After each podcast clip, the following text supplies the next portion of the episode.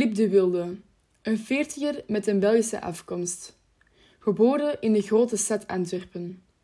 Door omstandigheden liep het in 2006 verkeerd. Hij werd dakloos en hij kon amper zijn eten of dagelijkse benodigdheden nog betalen.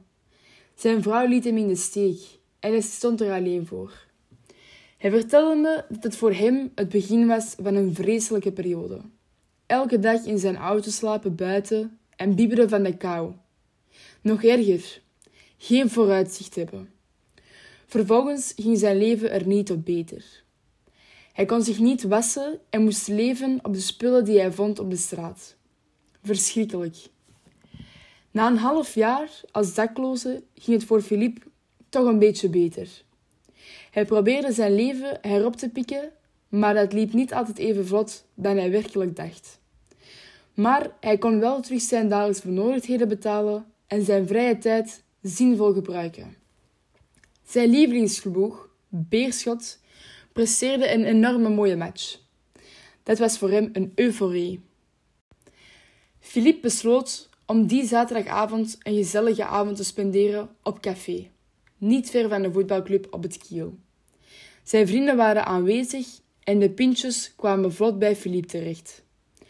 Toen ging het opnieuw fout.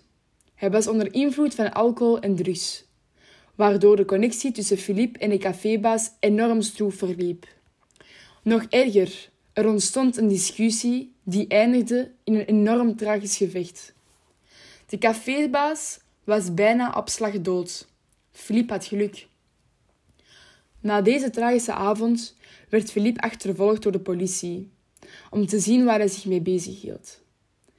Het werd er niet op beter. Enorm veel verkeersovertredingen. Veel gevechten waarbij hij vaak betrokken was. Meerdere keren onder invloed van verdovende middelen en alcoholgebruik. Mensen lastig vallen op het straat, etc. 2008. Philippe belandt in de gevangenis voor ruim acht jaar.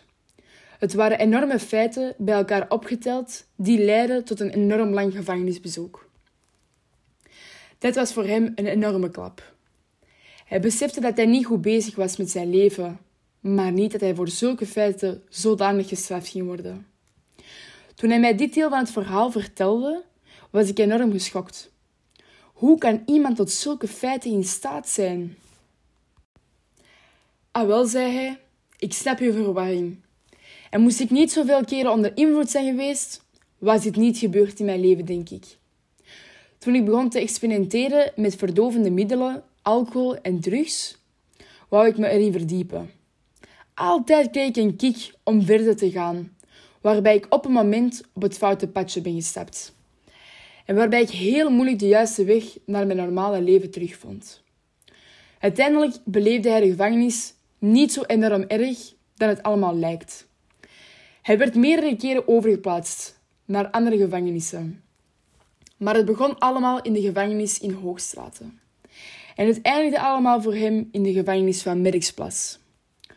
Over het algemeen vond hij de gevangenis een bezinning voor hem. De tijd dat hij daar vast zat, liet hem nadenken over het leven, zijn verleden en over zijn toekomst. Maar op één gevangenis na. Toen vertelde hij mij dat zijn verblijf in die gevangenis verschrikkelijk was. Merksplas. We werden met vier gedetineerden in een gevangeniscel geplaatst. En vanaf we een te goede band creëerden met onze celgenoten, werden we gesplitst en in het oog gehouden. Hij vertelde me ook dat de cipiers enorm onvriendelijk waren en dat hij een beetje het gevoel had dat de cipiers altijd de slachtoffer wilden spelen. Het waren zijn laatste vier maanden, die zo enorm zwaar voor hem waren. 2016. Daar kreeg hij te horen dat hij bijna vrij kwam. Maar hij besefte ook dat als hij ging vrijkomen, dat hij van nul moest beginnen. Philippe zou enorm veel boetes nog moeten afbetalen. Onderdak zoeken, zijn juiste vrienden opnieuw opsporen. Toen hij dat besef kreeg, deed hij zelf een voorstel om langer in de gevangenis te blijven zitten, om zo zijn boetes te kunnen afbetalen. Maar zijn advocaat en familie vonden dat geen goed idee, waarbij hij besloot om de gevangenis te verlaten met een x aantal boetes die hij nog moest afbetalen. Vanaf hij vrijkwam, was hij terug welkom bij zijn vrouw. Ze hadden één kindje, een meisje, die hij enorm hard miste. Ondertussen is het voor hem al ongeveer vijf jaar geleden toen hij in contact kwam met de gevangenis.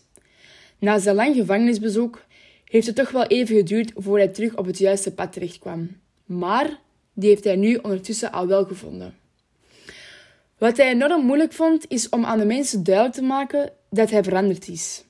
En om niet direct een vooroordeel te, vooroordeel te creëren bij de mensen als je zegt dat je in de gevangenis gezeten hebt.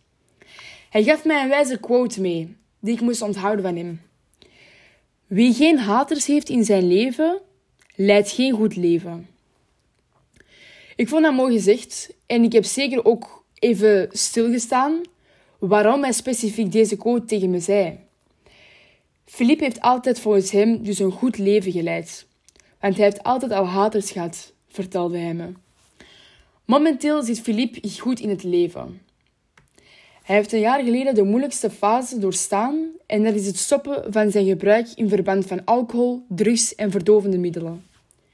Toen hij mij dit vertelde, dat hij nog maar een jaar klinisch, dacht ik, chapeau. Om zo lang in contact te zijn met slechte gewoontes en slechte vrienden, is het hem toch gelukt. Bij deze zin vroeg ik aan hem of hij nog contact had met eventuele vrienden van hem die nog steeds in de gevangenis zitten of die nog steeds op het slechte pad zitten. Hij zei nee. Ik wou niet steeds in dezelfde cirkel blijven circuleren, want dat heeft geen nut. Ik wou graag verder gaan met mijn vorig leven en afstappen van al die grijze miserie.